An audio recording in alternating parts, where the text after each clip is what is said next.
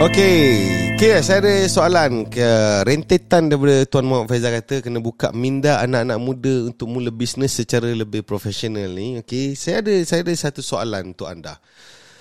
Dan saya tahu ramai kat antara yang menonton ni orang bijak pandai ada yang ada degree, ada PhD, ada master, ada 16 PhD, ada yang ada SPM, ada yang PMR, ada yang uh, UPKK dan sebagainya. Okey, saya nak tanya guys jika ada seorang anak muda ni, okay, dia ni memang minat nak jadi usahawan dan, okay, dan dia tengah belajar kat universiti, tapi dia tak minat, dia nak stop belajar, tapi dia nak buat bisnes full time. Apakah nasihat yang bakal anda berikan? Ah, okay, silakan guys. Okay, so kita buka, uh, mungkin masing-masing boleh bagikan pandangan uh, ni tak ada siapa yang betul siapa yang salah okey uh, so apa pandangan anda? Kalau ada seorang budak muda dia tengah belajar ataupun family dia suruh dia belajar tapi dia tak minat dia punya jiwa ni lebih kepada nak jadi usahawan kan? So apakah nasihat yang bakal anda berikan kepada anak muda yang seperti ini? Uh, okey Sambil-sambil tu sambil sambil uh, saya tunggu anda punya pandangan. Okey, so kita ada soalan seterusnya daripada uh, Tuan Muhammad Faizal. Uh, Puan Nur Azlan kata ada bakat jadi DJ.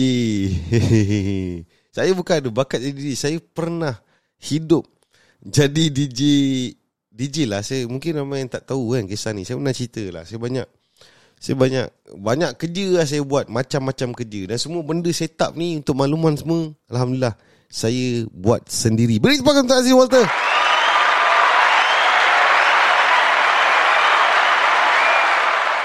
Ah, okay. Uh, so PC pun pasang sendiri. Kan bedak-bedak sendiri. Semua buat sendiri. Lah. kaji-kaji sendiri. Tengok spek pun sendiri. Alhamdulillah tak ada benda yang kita tak boleh buat. Saya beli satu perkara guys. Kita boleh handal apa saja perkara. Yang penting kita mesti pasak dalam minda. Itu kita mesti obses terhadap latihan lebih banyak kali kita buat sesuatu perkara tu kita akan jadi semakin mahir. Uh, Tuan Musa kata Tuan Aziz cerita sikit macam mana nak cari big why dalam diri untuk motivasi diri untuk terus capai kejayaan. Uh, so macam saya tadi lah saya saya punya sebab saya pernah rasa dia punya tekanan tu hidup dalam keadaan miskin kan.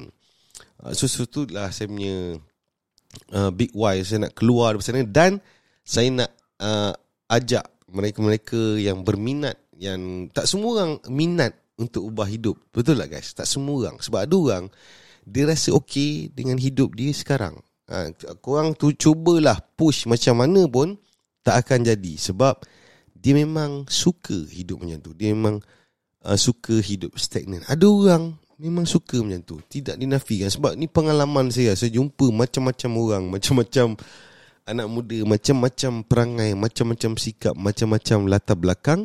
Dan saya dapati dalam kerja kita membina pasukan ni, okay, so kita kena faham bahawa kita ni ada uh, ada uh, macam kita ada benih uh, tanam pokok yang yang bagus, okay.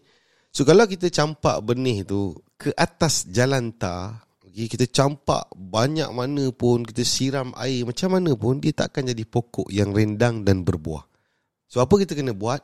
Kita kena cari tanah, tanah yang subur. Jadi macam itulah untuk membina pasukan dan jangan buat kerja mengubah manusia. Tidak ada sesiapa manusia, tidak ada manusia yang boleh mengubah manusia lain. Tak ada guys. So, bila kita nak train seseorang tu, kita kena faham bahawa kita punya kemampuan hanyalah untuk transfer skill saja untuk beritahu dia buat begini, begitu, begini sebab apa. Okay, next.